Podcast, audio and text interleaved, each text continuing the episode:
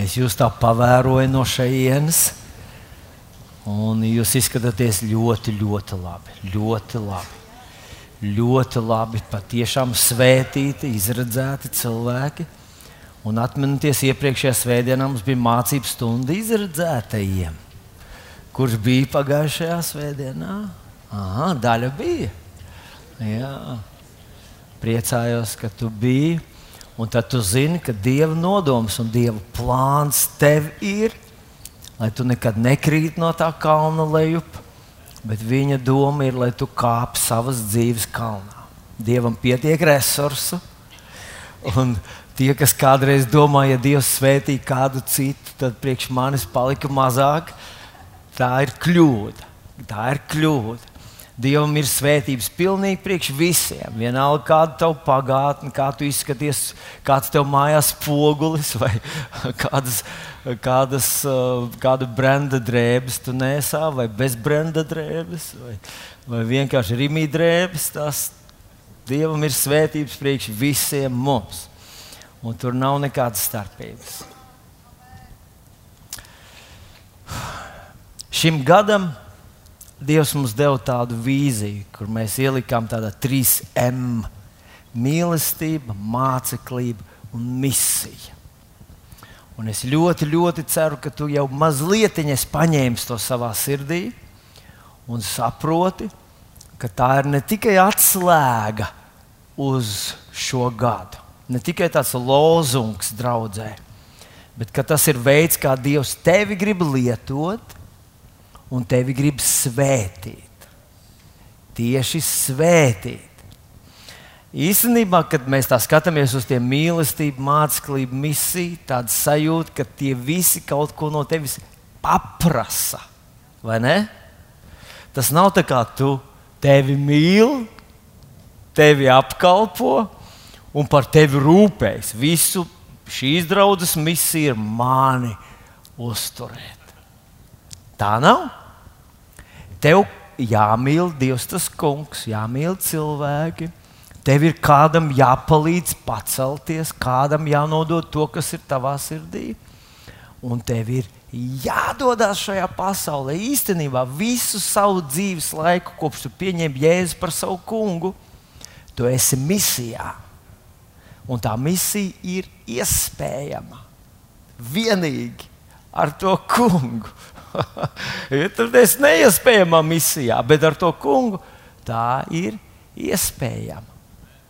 Un, zini, pasaulē mums ir tāds princips, nu, kad tu kļūsi par olimpisko čempionu, tad tu sāc izveidot savu skolu un sāc trenēt nu, tos bērnus. Tu nodod to, kas tev ir, tu nodod citiem. Bet Dieva valstībā tā nav. Dieva valstībā ir tā, ka tad, kad tu sasniedz olimpisko nu, to, to, uh, nu, to līmeni, tad tu vairs nevienam neko dot vairs nevari. Jā, jā. jā. Jūs zināt, tagad es esmu sācis būt gatavs bērniem, un man vairs bērnu nebūs. jā, jā. Ziniet, nu, pie mums palika Iespējams, ka nebūs. Jā, es nevaru. Bet es domāju, ka vairs nebūs. Nu, paklausieties. Šo pie mums palika mazmeita pa nakti. No rīta tur līga viņa ķemmē matus un es ienu. Oh, tāda ir pilnīgi cita meitene. Vakarā aizgāju gulēt, viņa viena. No rīta pamodusies jau lielāka, gudrāka skatos. Jau gandrīz nu, pieci gadi viņai. Nu, nepārprotiet man, bet pieaugušs cilvēks sēž. Sarunājas stāv tā, ka viņai tur tā aizvedos matas.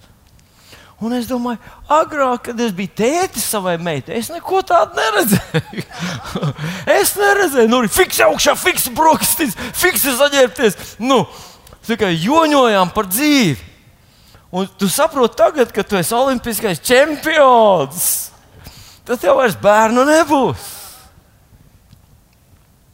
Vai tas nav pareizi? Nē, tas ir tieši tā, ir pareizi. Tieši tā ir pareizi. Un tieši tāpat ir kristiešu dzīvē. Ja tu gaidi, ka vienā dienā tu visu sapratīsi, visu zinās, tev visas tavas problēmas būs atrisināts, tad tu būsi miris. Aleluja! Jā! Mirušie vairs jautājums neuzdod. Mums dzīvojiem ir visu laiku kaut kādi jautājumi, kaut kas neskaidrs. Apstults Pāvils teica, ir lietas, kuras es nezinu, pa daļai tikai saprotu šodien. Bet tu sāc jau ar pirmo dienu un paklausies. Ja tu šajā gadā gatavojies piedzīvot Dieva svētības, tad tev tās aktīvi jādod prom. Aktīvi jādod prom. Jo atcerieties, vienreiz bija tāds vīģis koks, kuram nebija, bija tikai labs un nebija nevienas vīģis. Un Jēzus atnāca un teica, nu labi, lai no tevis neviens vairs nēd. Un kas ar viņu notika? Viņš izžuva. Un ko viņš teica Abrahamam?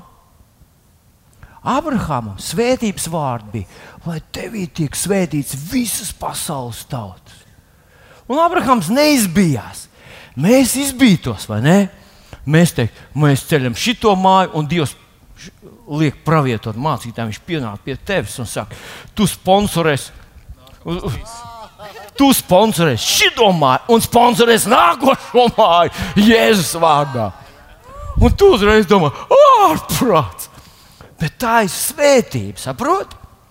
Ja, ja tu taisies mirt, tad, tad lai neviens vairs neviens neko no tevis nedabūtu.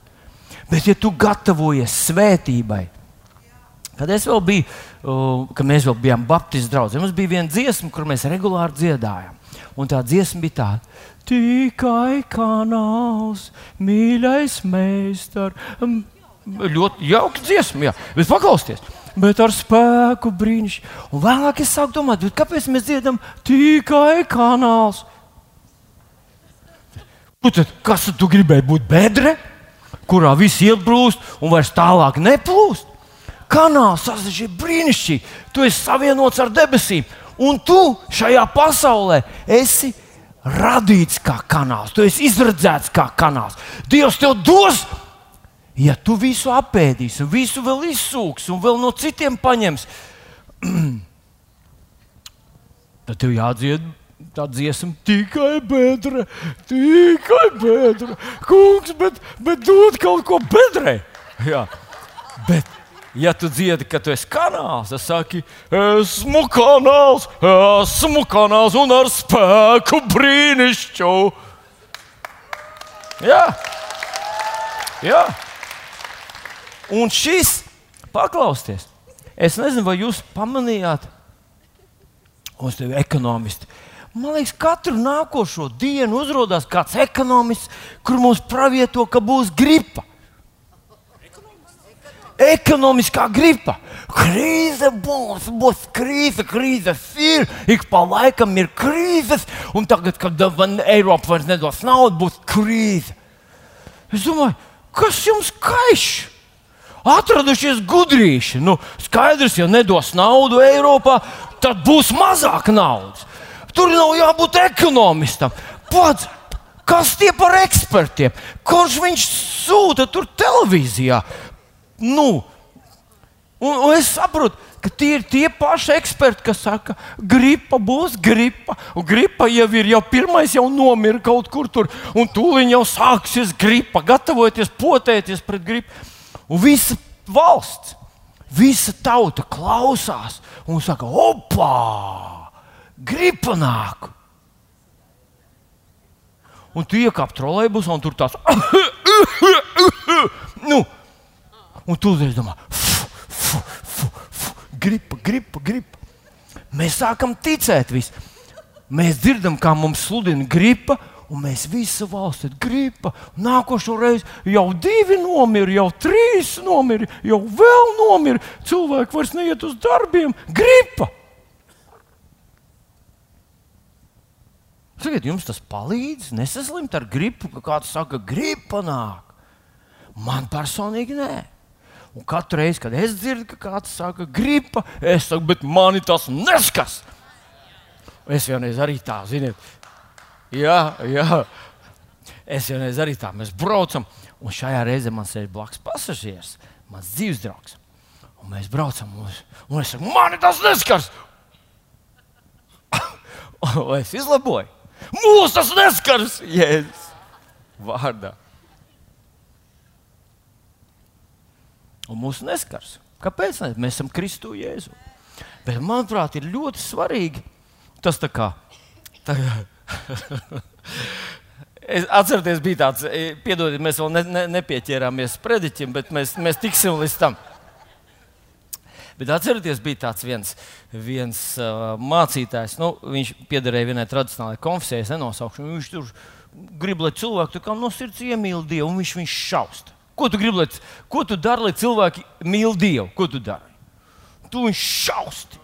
Nu, Tāpēc jūs tur grēcinieki, jūs tur elējus būsiet, jūs nedzīvosiet svētas dzīves. Ja jūs neizpildīsiet visus Dieva prasības, Viņš no debesīm uz jums raugās, Viņš ir bargs tiesnesis.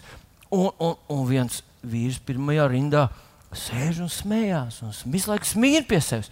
Un tas mācītājs, nu, vēl Au, domā, ka nu, vēl nesaprot cilvēkiem, vēl ne, un viņš vēl arguments, vēl smagāks. Un tas sāk burtiski smieties.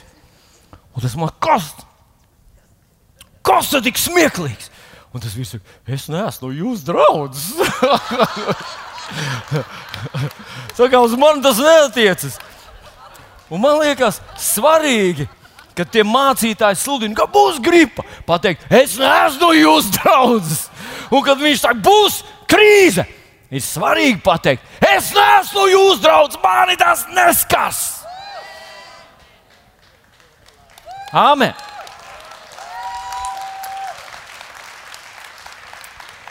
Tāpēc, mīļais draugs, šis trīs M,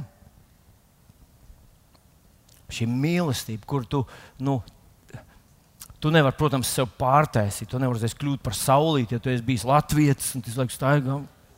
Gaida, ka man kāds samīlēs. Es atnāku un aizēju, un neviens man nepievērš uzmanību. Kāds uz mani paskatījās? Neviens man nemīl. Es visur, visās draudzēs, kur eju, neviens man nemīl. Laikam mīlestības nav vairāk. Nu, nu dažkārt mēs tādi esam, pareizi. Mēs gribam, lai mūs mīl, pareizi. Un tad mēs atgriežam un gribam, bet, ja viņam ir īsta mīlestība, ja ir īsta mīlestība, tā gaida.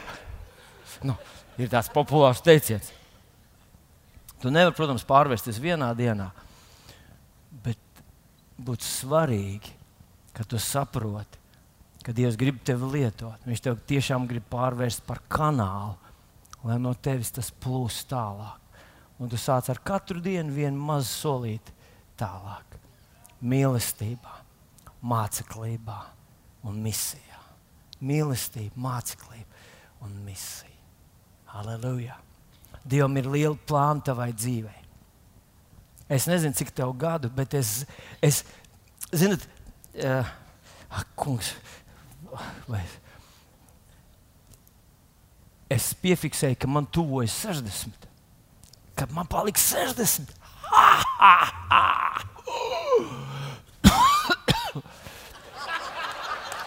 Es. Tas vispār. Tas būs brīnišķīgi. 60 gadi. Tev ir jau 60. Nu, pareizi nodzīvot gadi. Wow! Halleluja! Cik vēl palicis sniegs! Bet, zinot, kad es parunāju ar Dievu, viņam ir tāda sajūta, man ir tāda sajūta, ka viņam ir tāda sajūta, ka viņš nezina, cik man gadi. Un, un viņš paliek ar vien tāds nopietnāks, jā, viņam ir lielāki plāni, lielāki mērogi. Un viņš tā kā, es saku, kungs, nu, vai tā nav tā, ka tā kā tie labākie un tie spēka gadi, nu, tā kā aiz muguras. Un kad tu parunā ar Dievu, viņš runā tā, it kā bērnība tūlīt beigsies un sāksies īstie gadi. Īstie gadi. ja tev vēl nav 60, iebiks tam, kurš šeit tev blakus Pasaka, tev bērnība vēl. Jā, es jau redzu, jā. Slavu Jēzum. Es ticu, paklausies, es ticu, ka Dievam ir atmodu priekš šīs zemes. Un mums vajadzētu tikt galā ar to stereotipu. Cilvēki ar grūtībām atgriežas. Nu, nu, cilvēki negrib dzirdēt. Ir viens otrs, kas negrib. Arī Jēzus bija perfekts sludinātājs. Viņš darīja brīnums un zīmes pa kreisi un pa labi. Un bija cilvēki, kas teica, viņš jānogalina. Tas nav mū, mēs neesam problēma. Bet es ticu, ka vienā dienā tas tā kā, ziniet, tā kā atnāk vēlīnais lietas. Savs, savs, savs, un tad sākās, un tad līst, un līst, un līst. Un līst. Kaimiņš saka, un kad viņš beigs bērt, es saku, viņam vēl daudz tur ir. nu, halleluja! Un es ticu, ka tas tā būs. Un tad tu izrādīsies, ka tu esi tāds eksperts, ka tu esi tāds pieredzējis kristietis, ka tev ir tik daudz jau zināms, ko tu vari dot. Un Dievs grib, lai tu to sāc darīt jau šodien, Jēzus vārdā. Halleluja! Nu, lūk, šodien, mīļie draugi, man ļoti gribētos, ka Svētais Gars mums palīdzētu visiem ieraudzīt, ka vecajā derībā ir tādas paralēlas ar mūsu jaunās derības dzīvi situācija savādāka, likumi ir mainījušies, ir atšķirības ar veco un jauno derību. Un tu nevari paņemt veco un tā viens pret vienu piel, pielietot jaunajā. Un tomēr ir ilustrācijas, kas ir uzrakstītas tāpēc, lai mēs to mēs no tām mācītos. Un parasti mēs runājam, ka mācīsimies no kļūdām, bet mēs varam mācīties no arī veiksmēm. Un tā tad 1. korintiešiem 10, 11, kur rakstīts, ka viņiem tas notika zīmīgā kārtā, bet ir uzrakstīts priekš mums ar tevi. Uzrakstīts, lai mēs lasītu. Tu vari droši lasīt veco derību. Tas nav, nav viss šķērsām un aplam. Nē, tur ir ļoti daudz pareizu stundu. Un viena no tām mēs uh, iepriekšējā svētdienā skatījāmies. Un, Un viena no veiksmes, tāda pilnīgi tā kā tāda metodiku Dievs iedod Jozo, kā ieņemt, uh, ieņemt iegūt apsolījumus, kā ieņemt savu Dievu piedāvāto, dāvāto, apsolīto zemi. Dievs dod viņam, mēs no tā arī, es no tā arī ar jums kopīgi gribētu mācīties. Nu, lūk, tā tad mūsu šodien tas, tas, tas, uz ko mēs paskatīsimies, tas būs Jozoā. Manā pārliecība ir tāda, ka Jozoā viņš ir prototyps Jēzum Kristum. Ziniet, ka ebreju valodā tas, ko mēs izrunājam kā Jozoā, sauc tieši tāpat. Ješua bija tas, kurš bija Mūzes sekotājs vai Mūzes kalps, un tad kļuva par apsolītās zemes uh, uh, ievedēju, kas ieved cilvēkus apsolītajā zemē. Un Ješua ir tas, ko mēs pielūdzam, vārdi ir identiski. Krievu valodā pat, pat Krievu valodā tas ir tieši tāpat. Jēzus tikai viņi liek klāt to Jēzus Navin. I, i, mēs runājam Jozo, arī angļu valodā viņi izrunā savādāk, viņa Joshua. Bet uh, oriģinālā tas ir tieši tas pats. Un, manuprāt, tur ir tāda ļoti, ļoti lielas līdzības, kuras mēs varam, tādas paralēlas, kur mēs varam mācīties. Un, kā jau saku, ir uzrakstīts, lai mēs no tā mācītos un mēs skatītos. Un ziniet, kas ir interesanti, sākās ar Jozos laiku, ir tā, ka pirms tam Dievs visas lietas un visas problēmas atrisināja divu tā ar mūzu. Viņš teica, mūzum, tur vajadzēja pāriet sarkano jūru. Dievs teica, mūzum, aizēj, un, un mūzis tur vai viņš sita vai runāja, es vairs neatceros, ar to zizli. À, viņš izstiepa laikam to zizli par, un jūra pašķēlās. Viņš gribēja izvest savu tautu no Eģiptes zemes. Viņš neteica tautai, lai tic, lai lūdz, lai tur apliecina kaut ko. Viņš sūtīja ko? Mūzu. Mūzes viens pats, ja nemaldos, tas bija kā ar Āronu kopā. Ja nemaldos, viņš gāja pie, pie tā uh, faraona. Man liekas, ka pat līdz desmit reizēm. Gāja tur, tā eskalācija auga. Mozus ar katru reizi tā pretim stāvēšana bija agresīvāka, nepiekāpīgāka. Tāda, ja, ja tu vēlreiz atnāks, beigās bija tā. Faraons saka Mozum, ja es tevi vēl vienreiz redzēšu, ja es tevi vēl vienreiz redzēšu, ja to saka nu, kaimiņš Freds, tā ir viena lieta. Bet, ja to saka impērijas vadītājs, kuram tikai vajadzēja parādīt tā mazo pirkstiņu, un viņam stāvēja uh, slepkavs, nu, Miesargi, tā pareizāk būtu teikt. Miesargi slepkavs stāvēja apkārt. Viņam tikai vajadzēja parādīt šitā. Nu, e, es tā domāju, šitā vai, vai tā. Hm. Un, nu, nu, kā, ko jūs, kā jūs darītu? Jūs būtu faraons. Jūs neteikt, no slepkavot. Nē, tas pārāk daudz enerģijas iztērēts. Pareiz. Jūs teikt, jo, jo viņam bieži to vajadzēja darīt. Ik pa laikam tur kaut, kaut, kaut kas nenomaksā nodokļus. Hm. Asins. Uh, galva nocirst, sacert cilvēku. Nu, pēc tam pusstundu tur vācis, protams, tur pēc tam smirdēja un tā. Bet, bet jūs saprotat, nu, tāda, tāda ka tev impērijas vadītājs saka, ja es tevi vēl vienreiz redzēšu, ja tu vēl vienreiz pie manis atnāksi, tad tie čaļi jau, kurš, kurš pirmais? Tad ar tevi cauri. Un viņš atnāca vēlreiz. Mūzis izturēja. Mēs varam daudz ko no tā mācīties. Bet līdz tam visas problēmas risināja viens pats Mūzis. Ar Jozo sākās pilnīgi jauns laikmets. Dievs it kā sāk skatīties uz to, ko tie cilvēki. Nu, mēs zinām, ka tur arī bija kaut ko kurnē, un tad viņš teica, es izdarīšu tā, kā jūs man teicāt. Bet te mēs konkrēti redzam to. Un mēs redzam, ka milzīga starpība bija starp Mūzu un Jozo. Mūzis runāja vaigs vaigā ar Dievu. Tev ir mājas grupā kāds cilvēks, kurš lūkšanā sāk starot. Ir tev kāds? Visi staro? Vai visi nodziest? Un parasti nu, staro tikai tas, kurš lūdz pārējā. Nu, dziest, jā. Bet, bet ar mūzu bija tā, ka, kad Mozus iznāca no lūkšanas, fū, viņa vaigs staroja. Un viņš, viņš, viņš saka, es redzēju Dievu, mēs runājamies kā ar draugu. Un viss apkārtēji bija vienkārši autā. Jūs zināt, tik pa laikam uzrādās kāds cilvēks, kurš saka, Dievs man šorīt teica, lai es nebraucu ar to, lai es uzvelku gumijas zābakus, jo ārā būs atkosnes. Es, domā, pff, es pats to iz, izgudroju. Nu, kādam Dievs pateica, kā ārā slapjš. Nu, nu, ir tādi cilvēki. Ja. Nu, Mozus bija tāds, viņš ne tikai izlikās, viņš tiešām tāds bija. Viņš tiešām tāds bija. Viņš pateica, rīt būs gaļa visai nometnē. Un tur trīs miljoni cilvēku saka, what? Ko? Gaļa būs, rītā būs barbecue, jā, sagatavojieties. Un, un tie cilvēki saka, tas nevar būt. Nu, Mūzam kaut kur kāda aitiņa kaut kur paslēpta. Nu, Mūsu ar āronu ap divu uzēdīs kaut ko, bet ne jau visiem. un nākamā dienā bācis ir nu, ūdens, kad vajadzēja ūdeni, un aitas, piedodiet, gaļas, kad vajadzēja gaļu. Nu, Mūzis. Un tagad viņš saka, Jozovā, Mūzis ir miris, tu ej. Ne viņš ir redzējis Dievu.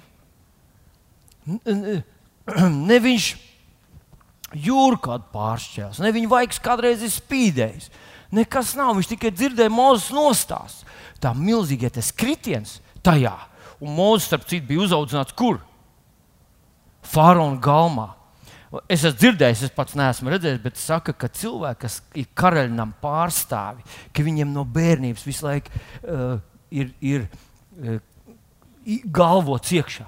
Tu esi karalis, neliecies tik zemu, neskrien tik ātri, nu, uh, nešņuries savus kurpes. Tu esi karalis, tu esi karalis. Nu, es pārspēju, es neesmu bijis nekad karaļnamā. Bet saka, ka tie cilvēki ir pilnīgi cits, kaut kas no viņiem staro. Tu esi karaļnam pārstāvs. Un tā fotografijā mēs skatāmies, princis Čārlis. Nav smukākais vīrietis no visiem, pareizi. Bet iespējams, ja viņš tev apsēstos blakus, tu uzreiz tā. Kas tev ir? Es nezinu, kas ar maniem notiek. Tev onkulis apsēs. Nu. Kaut kas no viņiem staro. Mozus bija uzaugusi no bērnības, bija uzaugusi kā faraona dēls. Viņā bija šī pašapziņa, viņa bija, viņā bija tā stāja, viņā bija tā skatiens, žesti, terminoloģija, valoda, perfekta gramatika. Jozo runāja, tā nemācīja laiku salikt, un tur visādi viņam tur brīžiem nesaprot, vai tagad ejam, vai, vai rīt iesim. Kad Jozo saka, un, un, viņš bija nu, es varbūt tā mazliet neveikli ilustrēju, bet starpība bija milzīga. Un tad pēkšņi Dievs saka, tu ej! Viņam tā bija problēma. Es zinu, tev nav. Tu domā, Jozo vai cieniņš, tas taču bija tāds pārcilvēks. Viņš bija tāds kā mēs. Tāds kā mēs. Un kad Dievs šodien saka, tu ej, tu ej, tad viņš saka, ka vīram tiek atmaksāts saskaņā ar to, kā viņam mute runājusi.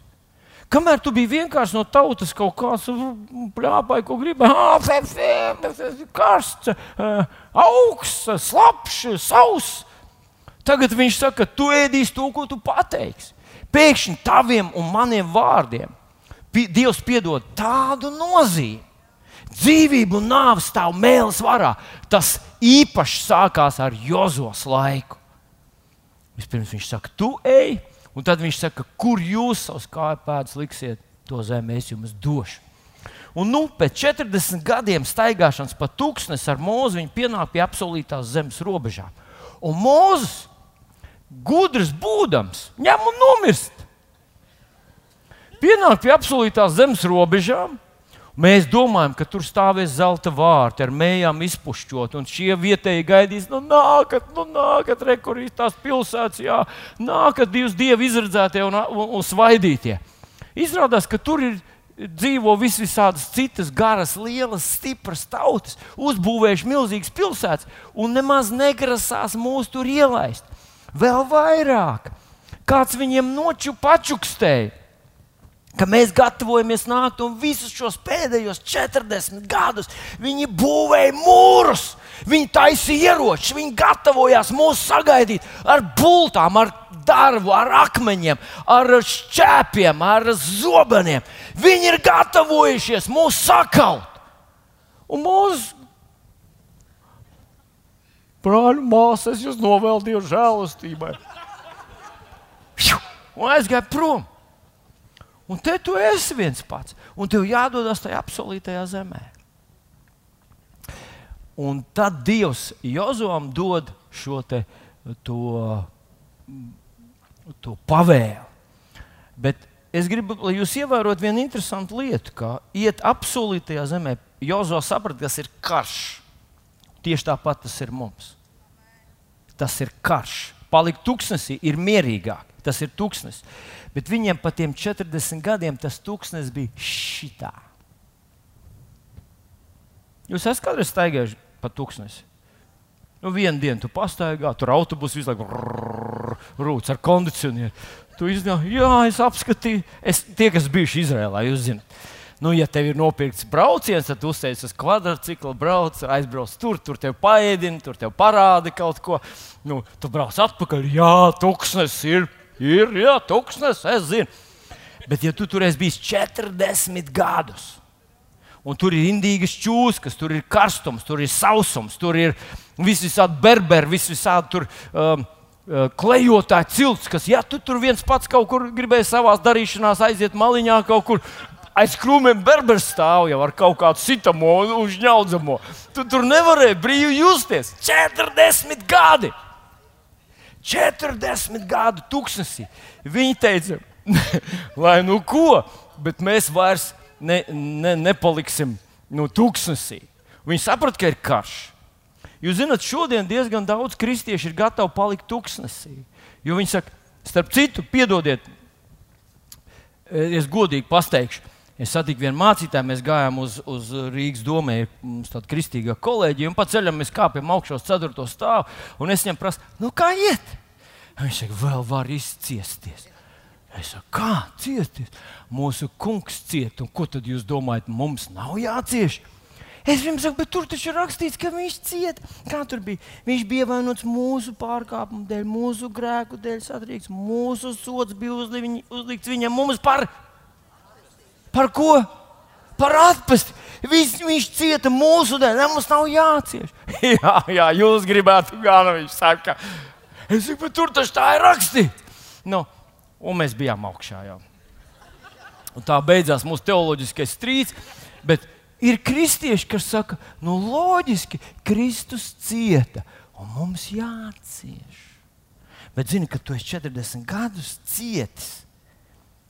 Un tad Tu lasi, bet eh, pagaidi, kā tur rakstīts, piena un medus zeme. Piena un medus zeme.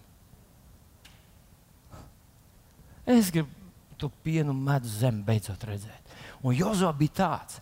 Viņš saprata, ka tas ir karš, bet viņš arī saprata, ka tas ir Dieva plāns. Karš ir Dieva plāns. Karš ir Dieva plāns. Un viņš, viņš teica savai tautai, kādā vietā viņš tā saka, jūs izvēlieties, kam jūs kalposiet. Vai jūs kalposiet Dievam, Izraela, Abraham, Izāku un Jāekabu, vai jūs kalposiet visiem tiem citiem. Ir daudz visādi dievu. Bet Jozā izvēlējās kalpot Abraham, Izāku un Jāekabu dievam. Un tas viņu ved uz apsolīto zemi. Dievs solīja šo apsolīto zemi, gribēja dot to apsolīto. Mīļais draugs, varbūt tu esi šodien tuksnesī vēl. Varbūt tur ir mierīgi, varbūt tu vari izturēt. Varbūt tu esi pielāgojies dzīvē, tuksnesī, tā kā tas berbers. Un tik pa laikam, un tu tā cerībā, kā, kā īstenībā bērns, tu saki, kungs, nu, kad tu atceries par mani, kungs, nav jau. Jūs zināt to stāstu, ka māte Terēza nonāca debesīs, un, un, un, un, un tur viņi ir uh, divi tā ar Dievu. Tik, divi tā. Un viņš vakarā atgriež vienu konzervu, no rīta vienu konzervu. Māte Terēza saka, nē, es jau esmu pieradusi uz zemes. Nu, tomēr. Nu, ja tu arī tā pats saki, es, es esmu pieredzējis tā, kungs, nu, labi, labi, man nav, nav nekas iebilstams. Bet, ja tu, ja, ja tu ap, apžēlojies, kādreiz, tad vari man svētīt. Tad es tev teikšu, ka ik pa laikam, ik pa desmit gadiem kaut kāda maza svētība nokritīs tavā dārzā. Ne, ne tāpēc, ka, ne tāpēc, ka Dievs ir skops, bet tāpēc, ka tā nav viņa stratēģija šajā Jēzus, ja šo laikā apsolīto zemi ņem ar karu. Ar karu. Un Dievs nebija paredzējis, gaidiet man te krūmos, es jums visu nokārtošu, un tad jūs atnesīšu jums uz paplātes. Jums jāiet pāri Jordānai un jākaro. Un es ar jums gribu izlasīt šo uh, jā, atgādināt jums Jēzus vārdus, kad viņš sacīja tos pašus vārdus, ko Jozoā tikai Jozo to sacīja no citiem vārdiem. Bet arī Jēzus teica, nedomājiet, ka esmu atnācis mieru atnest virs zemes, esmu atnācis atnest zobenu. Jēzus saka, atnest. Jā, bet kā tam mēs par Jēzu lasām, ka viņš ir miera ķēniņš un miera valdnieks, un miers būs bez gala. Kādu mieru Jēzus tiešām atnes? Kādu mieru? Mieru starp Dievu un cilvēku. To viņš atnes. Mums ar, ar Dievu nav kara, nav pārpratumu, nav dusmu no Dieva puses. Bet viņš teica, es iedošu jums zobenu. Un, zinot, varbūt es neesmu pasaulē gudrākais teologs, bet, kad es skatos uz veco derību, manuprāt, viņiem bija ticības vairogs, viņiem bija pestīšanas bruņcepuri, viņiem, viņiem bija kājas apauts ar vēlēšanos kalpot tam kungam, kalpot, darīt dievu darbus, bet viņiem nebija gara zobena. Un, manuprāt, Jēzus to ieliek mūsu rokās, šo agresīvo uzbrukšanas ieroci, gara zobenu. Un viņš grib, lai mēs to lietojam. Jozua teica, iesim pāri un paņemsim to, ko Dievs mums grib dot. Un Jēzus saka tos pašus vārdus: Hei, negaidi, nesēdi, neslēpties krūmos. Tev ir jāiet pāri Jardānai, un tā apsolītā zeme ir pašam jāiegūst, un tas nozīmē arī karu. Un, un kādreiz, kad tu esi pietiekami ilgi bijis, kad tu esi pietiekami ilgi bijis uh, tuksnesī, tad tu saproti, ka tā nav dzīve. Un, ja kristieši ir bijuši pietiekami ilgi tajā vietā, kas saucās nespēks, nevarība, bezcerība, mēs nezinām, ko Dievs grib. Kad Viņš atbildēs? Gadu desmitiem un simtiem, mēs pat, ja tā drīkst teikt, kristieši ir saukši uz debesīm, apžēlojies, apžēlojies, izlai, dod, svētī. Un tas nav darbojies. Tikai ik pa laikam kaut kādas mazas, mazas tērcītes ir nokritušas, svētības tērcītes ir nokritušas kristiešu dzīvēm. Es runāju tādās vispārīgās līnijās, nerunāju tieši par konkrētu kādu draugu, vai kādu cilvēku, vai par kādu, kādu tautu. Vispārīgi Tas tā tiešām ir. Un, ja tu aizies, ir, ir desmitām, pat varbūt simtām draugu, uz kurām, ja tu aiziet šajā rītā uz dievkalpojumu, tad ko viņi lūgtu visi kopā? Dievs apžēlojies, Dievs nedusmojas, Dievs piedod, Dievs izlaiž, Dievs svētī. Ka patiesība ir tāda, ka mēs lasām Bībelē, ka Viņš ir apžēlojies 2000 gadu atpakaļ, ka Viņš ir izlaists pirms 2000 gadiem savu svēto garu. Viņš ir sūtījis mūs, lai mēs ejam un sludinām, kur viņš, kur viņš saviem mācekļiem teica, ja jums nebūtu spēka, pagaidām vēl nevienam neko nesakiet.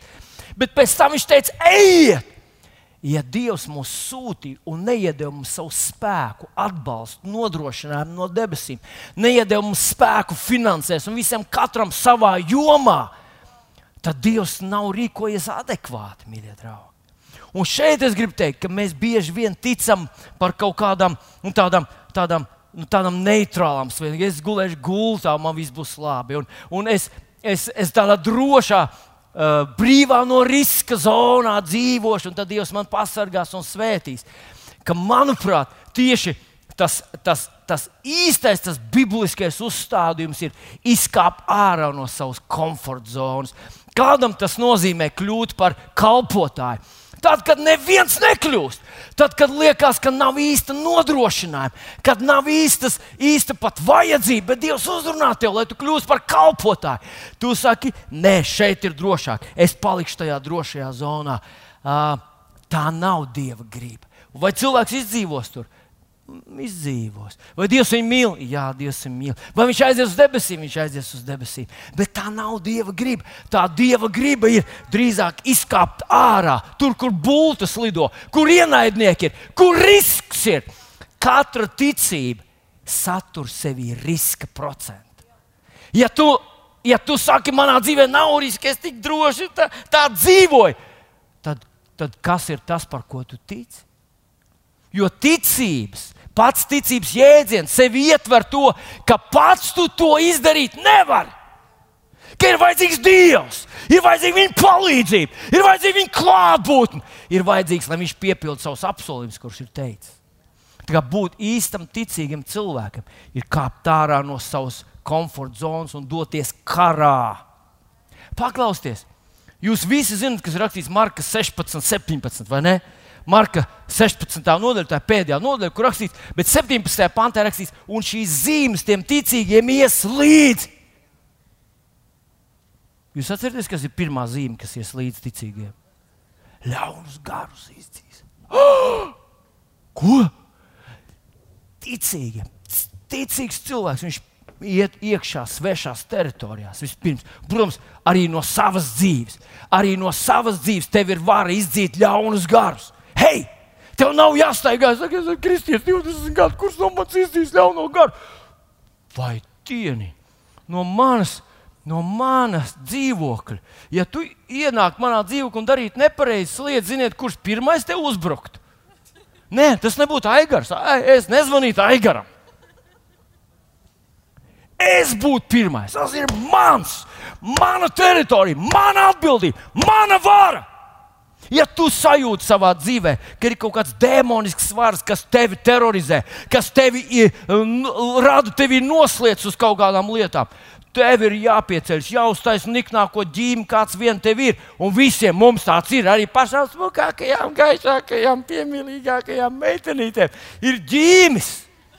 Tu aizies bērnās, paskaties, tur mazi tādi, un tad viņai kāds kaut ko atņem un šampānu.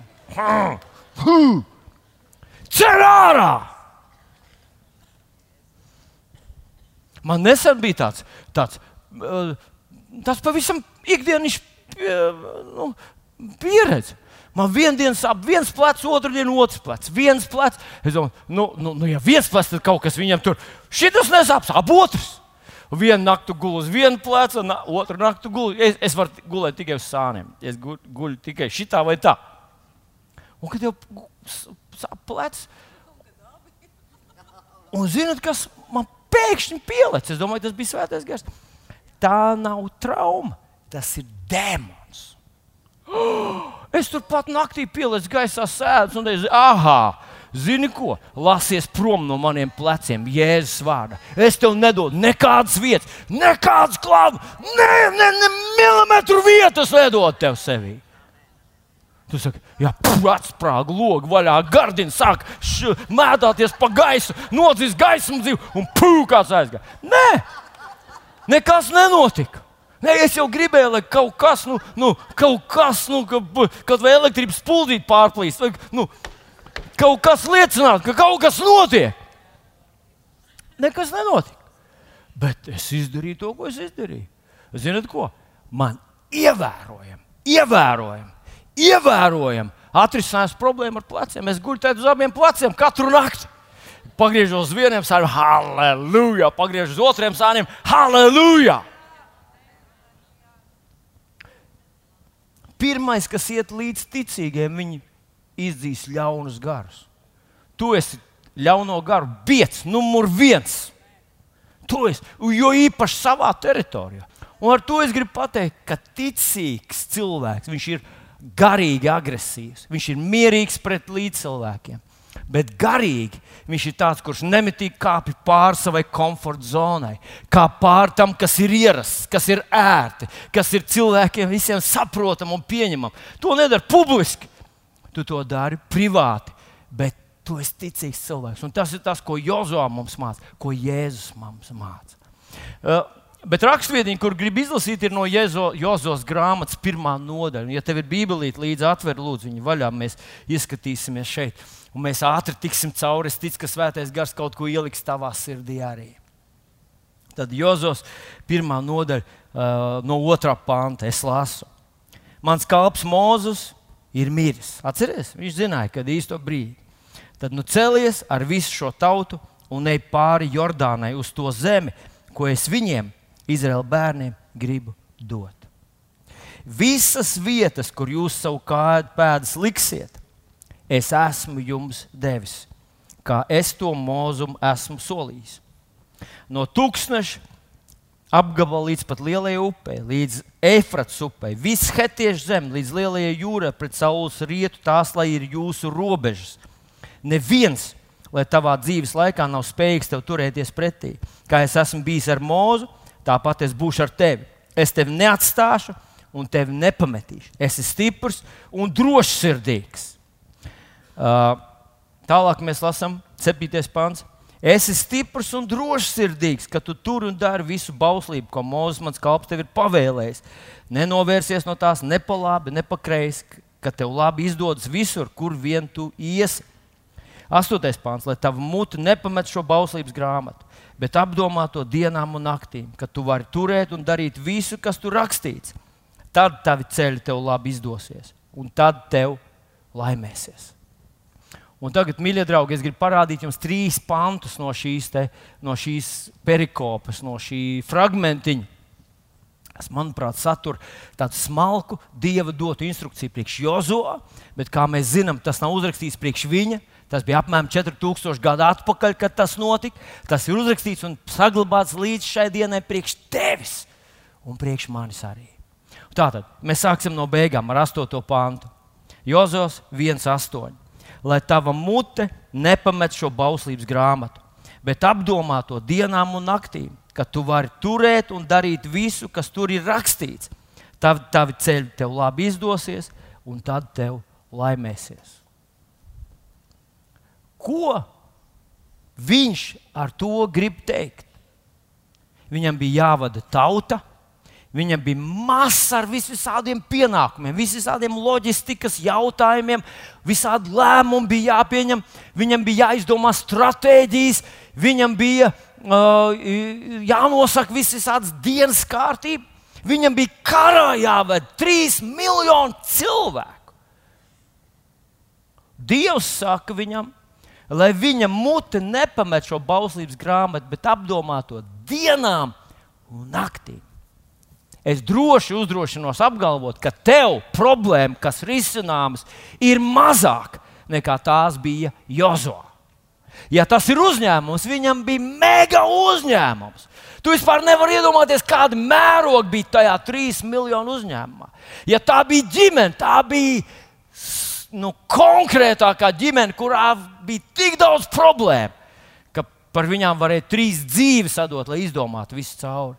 Ja tas ir darbs, viņam bija viens no sarežģītākiem darbiem, kurā vajadzēja vis, vis, visu laiku radošu un inovatīvus risinājumus, kas nebija atrodami. Nevarēja rīkoties pēc stereotipiem. Viņam vajadzēja visu viņa smadzeņu kapacitāti. Un Dievs viņam saka, domā par manu vārdu dienām un naktīm. Tad, tad Nē, man jābūt uh, atbildīgam pret savu uzņēmumu. Man, pie manis strādā 30 cilvēki. Man viņus jāpabaro. Nu, uz priekšu. Tev baigi labi sanāk. Ļoti veiksmīgs tu esi tajā. Paņemt uz sevis un teikt, es, es, es to, šo dzīvi vadu, un tad to, kas paliek pāri man, tas es būšu mil, tas olimpietis, un tad es kaut ko došu Dievam. Tas tā nedarbojas, draugi.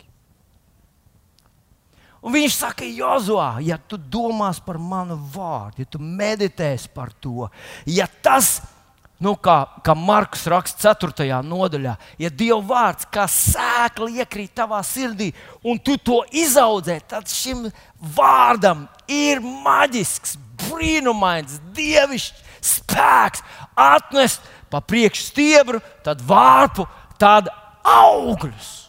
Dieva vārds atnes tādu rezultātu, ko neviens cits vārds nevar atnest, ko neviena cita ideja nevar atnest, ko nevar atnest neviens radošs prāts un kaut kāds pasaules analītiķis, kas braukā ar lekcijām pa pasauli. Neviens to nevar iedot tieši tavai konkrētai situācijai, kur tu esi. Un Jozo bija tādā vietā, aiz muguras tūkstnes, priekšā karš. Viņam vajadzēja šo brīnumaino spēku. Un viņš, Dievs viņam teica, ja tu domās par manu vārdu, tas izmainīs tevi tā, ka cilvēki nesapratīs, kā tas tev sanāk, bet tev sanāks. Un, ja tagad priekšā mums stāv priekš grūti ekonomiski laiki, tad visus jau neatlaidīs. Kādu, kāds strādās, un tas ļoti mierīgi var būt tu un ne visiem ies uz leju, kādam ies uz augšu. Pat kara laikā ir cilvēki, kas nopelna. Kāpēc tas nebūtu tu? Un kāds mirst Daudz mirst jauni, bet ir cilvēki, kas nodzīvo līdz galam, ar skaidru galvu, ar stiprām kājām, ar, ar, ar, ar radošu potenciālu. Kāpēc tas nebūtu tu? Jo īpaši šajā laikā, kad Dievs ceļ savu draugu, Un viņš saka, kā to izdarīt? Domā par manu vārdu, lai tas, lai tas aug tavā dvēselī, tavā sirdī. Tad tev tas izdosies. Un man nāk prātā paralēli, kur Jēzus sacīja, Jāņa Evanģelija 8. nodaļā, ja nemaldos, tas bija 30. un 31. pāns, eh, kur viņš sacīja tā, tiem jūdiem, kas bija sākuši viņam ticēt. Un viņš viņiem saka, pēkšņi, Jēzus saka tāds, un viņš saka to arī tev ja jūs paliekat manos vārdos, jūs esat mani mācekļi. Ir cilvēki, kas pienāk un aiziet, pienāk un aiziet. Un mēs gribam, mēs, viņi ir labi cilvēki, gaiši cilvēki, simpātiski cilvēki, talantīgi cilvēki. Bet viņu dzīvē nav dieva spēka, viņiem ir tikai tas, tā, tā šiltīte, kristietis. Bet mēs gribam, mēs nevaram iet apsolītajā zemē bez dieva spēka ar vienkārši šiltīti, es esmu kristietis, es svētdienās kaut kur eju. Tas nav variants. Tev vajag to spēku. Un tad viņš saka, ja jūs paliekat manos vārdos, tad jūs būsiet man mācekļi. Un tad mans vārds izdarīs to, dēļ tas ir sūtīts.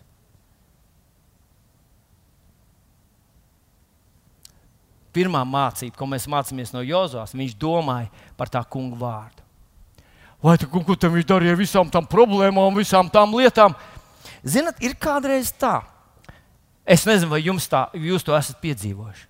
Ka tu par kaut ko domā, domā, domā. Tu veselu nedēļu staigā, saki, sievai, lieciet, man bērni, kiš prom. Man jādomā, es domāju, visu nedēļu es domāju, domāju, domāju. Un tad tu ienāc mazmaiņā, un tā ideja te pik! Jums tā nav bijis nekad. Un tu saproti, hei, tad, kad es nedomāju, tad man tas atnāca. Un tad, kad es domāju, domāju, domāju, domāju, domāju, domāju, domāju, domāju, domāju. man mazmeita man šorīt. Uh, es braucu pirmais ārā. Viņa saka, kur tu brauc? Op?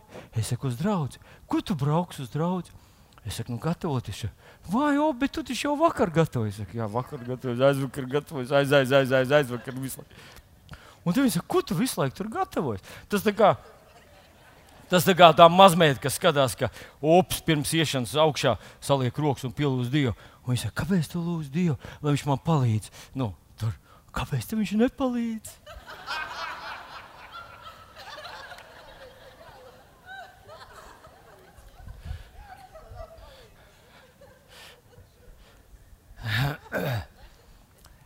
Es esmu pārliecināts, ka, ja mēs turētu viņa vārdu, mums būtu pieeja viņa ģeniālajām domām, daudz vienkāršāk, idejām, nekā tu staigā. Jūs esat dzirdējuši to, ka, ka, ka kādreiz televīzijā viena doma, viena ideja, un tu pie sevis domā, oh, viena ideja, tūlīt izdomāšu kādu ideju. un tu padomā 15 minūtes. No, Ja, varbūt kāds domā ilgāk, 15 dienas, un kā nav tās idejas, tā nav. Jozua izdarīja pareizo izvēli. Viņš domāja par tā kunga vārdu. Viņa vārds viņa sirdī iesakņojās un piepildīja pilns ar, ar savu. Uh, otra, otra lieta, ko mēs mācāmies, neviens, lai tavā dzīves laikā nav spējīgs tev turēties pretī. Es esmu bijis ar mūzu, tāpat es būšu ar tevi, es tevi neatstāšu un tevi nepametīšu. Šī ir viena no nesaprotamākām raksturvietām Bībelē. Man. Vienu, viņš saka, un tas tā kā es pasaucu Mārtiņu, nu, Mārtiņu panāču. panāču. Mārtiņš ir uh, drusku mazāks par mani, tāpēc izvēlējos mani. Tu gribi augstāk uzkāpt? Jā, nu, labi, labi, kā, kā, kā. Uh, labi, Dievā, paklausties.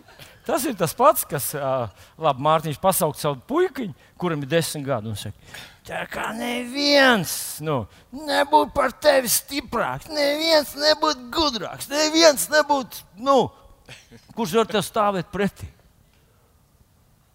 Ko jūs teikt, ja jums tā pateikt? Kā tu būtu savā darbā pirmais. Nu, ja jālasa sēnes, tad tu zini, ka vienkārši vairāk sēņu vajag. Bet, ja jādara kaut kas cits, ja tur ir kaut kas radošs, ja tur ir kaut kas, nezinu, uz erudīts, ja tur ir kaut kas, nu, uz kaut kādām tur, nezinu, jāizgudro, tad tas tā kā pilnīgi tāds, saprotu, jā, es neko nevaru. Jā. Kāpēc Dievs saka tādus vārdus? Es paskatījos citus tulkojumus, tur citur ir rakstīts, uh, neviens tev nebūs spējīgs turēties tavā pretī. Bet tajā pašā laikā viņš to saka trīs reizes. Es esmu stiprs un drošs. Neviens jau nevarēs ar tiem sacensties. Bet tu tikai nebaidies. Ja? Es esmu stiprs un drošs. Jā, tu esi visstiprākais. Tikai nebaidies, es esmu stiprs un drošs. Un tā tālāk. Labi, paldies, tev, draugs. Manā izpratnē, mīļie draugi, kaut kas neiet bišķiņ kopā. Jo, ja neviens nebūs spējīgs tev turēties pretī, tad tu vienkārši ej un Dievs to kārto. Bet šeit viņš saka, trīs reizes viņš saka, es esmu stiprs un drošs. Nebaidies, es esmu stiprs un drošs. Dari to, es esmu stiprs un drošs. Ej! Un tad viņš saka, latvieši, latviešiem iztulkoja, lai neviens nav spējīgs turēties. Kaut kas tur tā kā neatbilst. Un manā izpratnē tas ir tā. Mēs sagaidām, ja Dievs mums sūta, teiksim, mēs lasām Jēkab 4, 7, 8. Tad nu, padodaties Dievam, stājieties pretī vēlnam, un Viņš beigs no jums. Mēs sagaidām, ka mēs atnākam ticībā sakām, Jēzus vārdā, sātanai ārā. Viņš uzreiz jau sagatavoja balto karogu, jau viss jau uzreiz slim, padodos, padodos, padodos. Tu esi atnācis. Bet tā tas nenotiek. Taisn otrādi notiek. Viņi tos 40 gadus būvēja to jēriku. Viņi zināja, ka mēs nāksim šeit, šī ir vislabākā vieta. Viņi ir sagatavojušies 40 gadus, kamēr mēs, kamēr mēs mirām tūkstnesī. Viņi mūs gaidīja, gatavojās. Un es tev pateikšu, tā pilsēta, uz kuru tu ej, šobrīd vēlams to nocietināt. Šobrīd viņš pie tās piestrādā. Un tie, kad tu atnāc, viņi smiesies par tevi. Viņi tev teiks, panāc šurp, mēs tev gaidījām pats, mēs gatavojamies, dod mums iespēju tev sadot par zobiem. Un tāpēc Dievs saka, Jozoā, paklausies, lai neviens nav spējīgs turēties tev pretī. Tas nozīmē, Mārtiņ, nu atnāc vēlreiz. Tas nozīmē, ja Mārtiņš ir tas vietējais kanānietis, un es esmu tas, kuram Dievs saka, nu, nu sadalīsim godīgi tās lomas. Es esmu tas, kuram Dievs saka, lai neviens nav tev spējīgs pretī turēties. Tas nozīmē, ka es eju bez iespējas pagriezties atpakaļ. Es eju, zinot, ka lai vai kas, lai vai kas, lai vai kas Es nepagriezīšos atpakaļ. Es neatkāpšos. Es nesagaidu, ka tu uzreiz padosies. Bet es zinu, ka Dievs teica, ka Viņš būs ar maniem.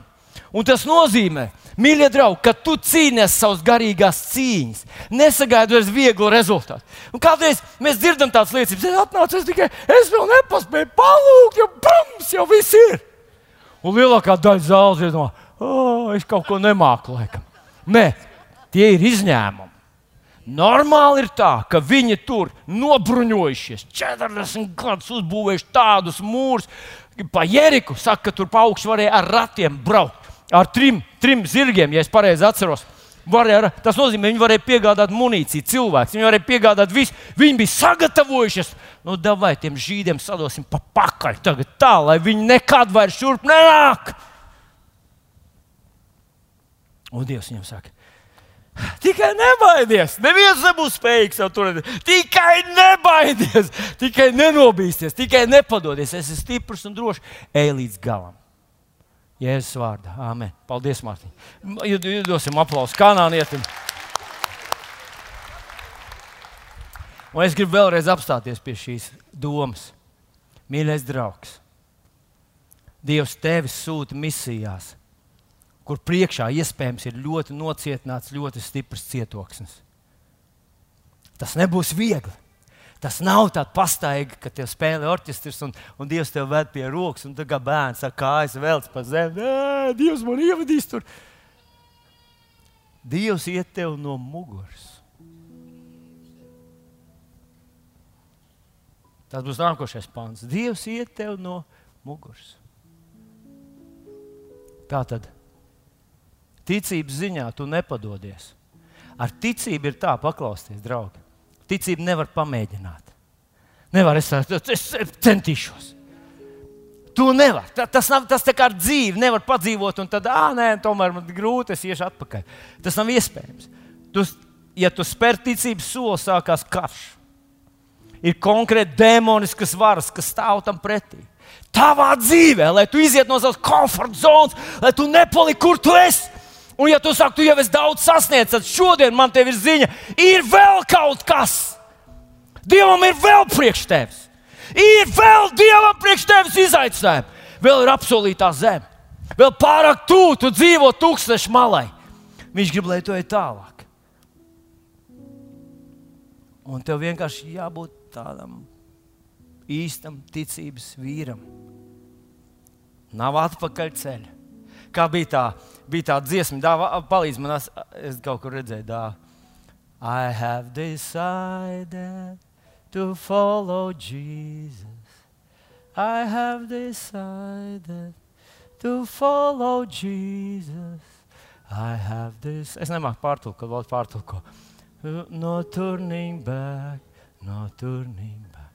Tā kā esmu izlēmis iet ar Jēzu, nav atpakaļ ceļa. Brālmās, Es zinu, tas varbūt izklausās tā, nu, kaut kā tā nepareizi. Mums liekas, ka kristieši mēs varam griezt uz kur pusi grib, visur ir forši.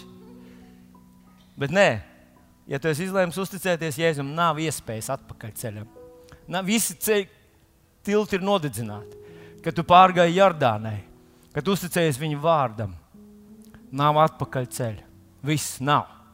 Nav tikai uz priekšu. Tikai uz priekšu, tikai uz priekšu, tikai uz priekšu, tikai uz priekšu. Esmu izlēmis sekot Jēzum. Nevar pagriezt atpakaļ. Un pēdējā, pēdējais pants, kas man uzrunāja ļoti stipri.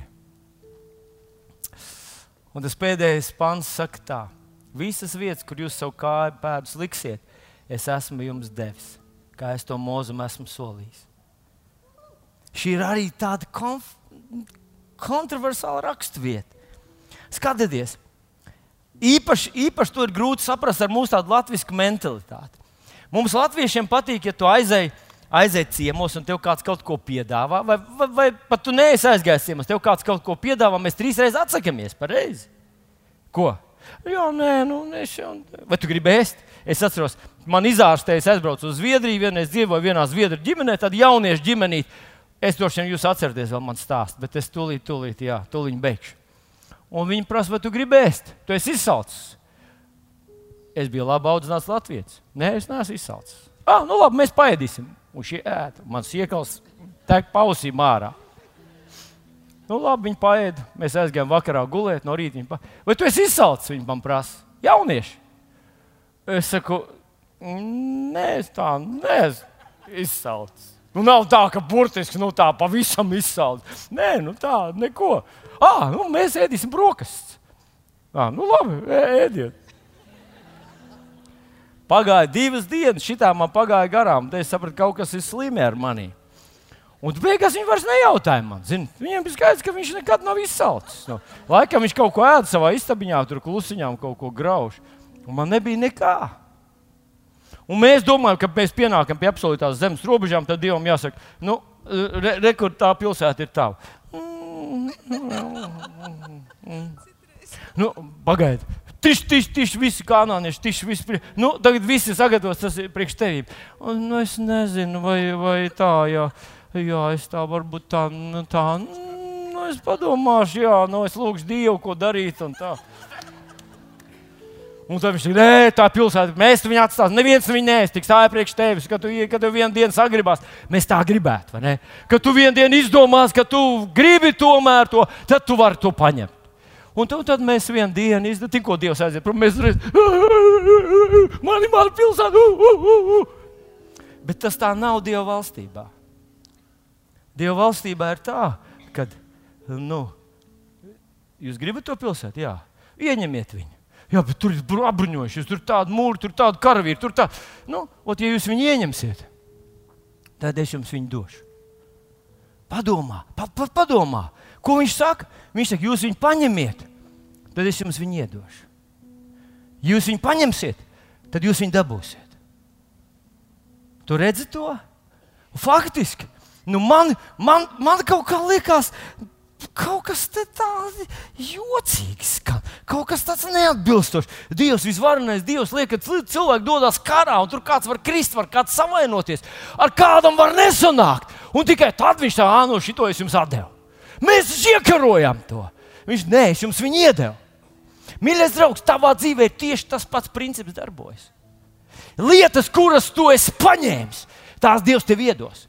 Paskatieties, kā viņš to saka Marka 11, 24. Viņš saka, patiesi es jums saku, visu, ko jūs ticībā lūgsiet, ticiet, ka jūs to dabūjat. Tad tas jums notiks. Jā, es varu uzlikt uz ekrāna. Tad tas jums notiks. Kenis Heigens, tur mūsu, mūsu Bībelīte dabūs sit, bet Kenis Heigens saka, ka tur jābūt, bija rakstīts, dabūjat. Kurā mirklī? Tajā mirklī, kad mēs lūdzam. Citiem vārdiem, tu dabūsi to, kas tev jau ir. Dievs tev iedos to, kas tev jau ir.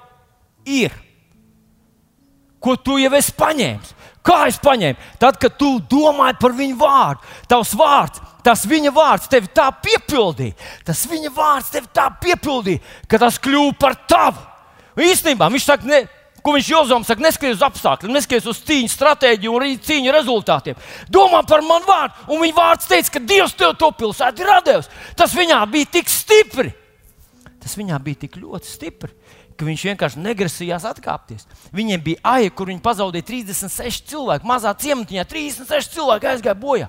Jozo nedomāja atgriezties atpakaļ. Viņš nesāk domāt, varbūt tas nav Dieva griba, varbūt tomēr mēs kaut ko pārprotam, varbūt tomēr mēs esam klejotāji tauta, paliksim tuksnesī. Nē, viņš nebija apstādināms. Un viņš teica, mēs ieņemsim, mēs paņemsim to zemi, mēs iesim līdz galam. Un mēs katru pēdu, kuru mēs atkarojam, to Dievs mums ir iedevis. Ir pēdas, kuras tu nekad neiegūsi šajā pasaulē. Ir pilsētas, kuras tu nekad šajā pasaulē neiegūsi. Ir lietas, kuras tu nekad neiegūsi. Iekāms tās jau nebūs tavas. Tavas. Tas nozīmē, nesen vēl es dzirdēju, viens cilvēks man teica, jā, es nezinu, ja Dievs nedara brīnumu, tad, tad, tad laikam būs slikti. Ko, es, ko, ko jūs atbildētu tam cilvēkam? Viņš saka, var, var, var, ka Dievs darīs brīnumu. Ko jūs teiktu viņam? Brīnuma nebūs. Bet, ja viņš teiktu, tā ir mana dziedināšana ir mana, tā ir mana, tā ir mana, tā ir mana, tā ir mana, tā ir mana. Kristus man ir nopircis, tā ir mana, es esmu dziedināts. Jā, bet tu paskaties, kāds tu jocīgs izskaties. Jā, es zinu, izskatos jocīgs. No slims var būt. Bet tā ir mana. Tā nav un ne tēlota dziedināšana. Nav tēlota ticība. No tēlotas ticības ir tikpat daudz uh, ieguvumu kā no tēlota orgasma. Nekā. Nekā nav. Seku nekāda nav. Bet, ja tā ir īsta pārliecība, sirds pārliecība, tā ir baigais spēks.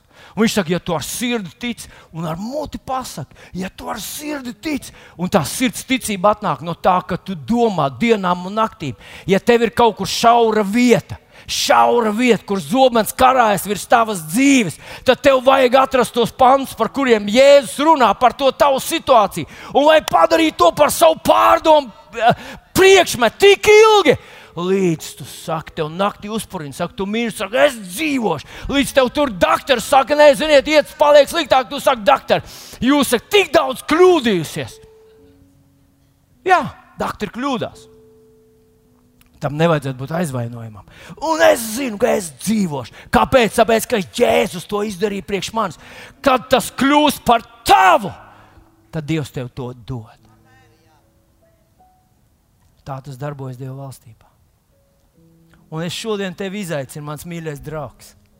Es nezinu, kas ir tā tava šaurā vieta. Varbūt tā ir tava remdenība.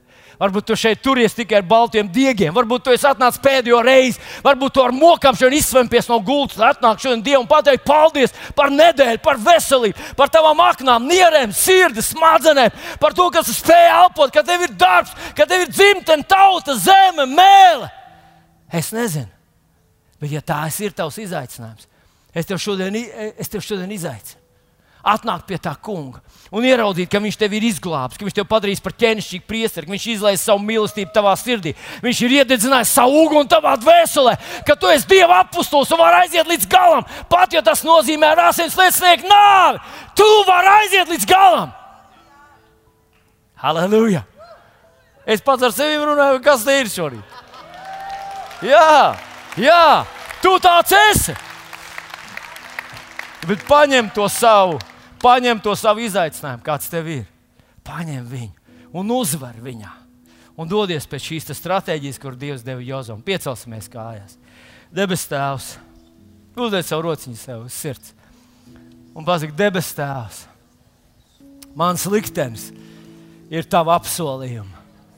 Mans liktenis ir apsolītā zeme. Mans liktenis ir paņemt zobenu no Jēzus Kristus. To vārdu un doties iekšā savā zemē, savos apsolījumos, kurus tu man esi devis. Es tos pieņemu šodien ar visu savu sirdi. Es esmu šajā pasaulē, lai būtu par svētību, par svētību. Esmu kanāls! Paldies, tur viens enerģiskāk atsaucās. Vai tu vari tā enerģiski pateikt, es esmu kanāls? Mīļais meistar! Ar tavu spēku brīnišķu! Caur man plūzdams! Lieto mani! Visu gadu šito!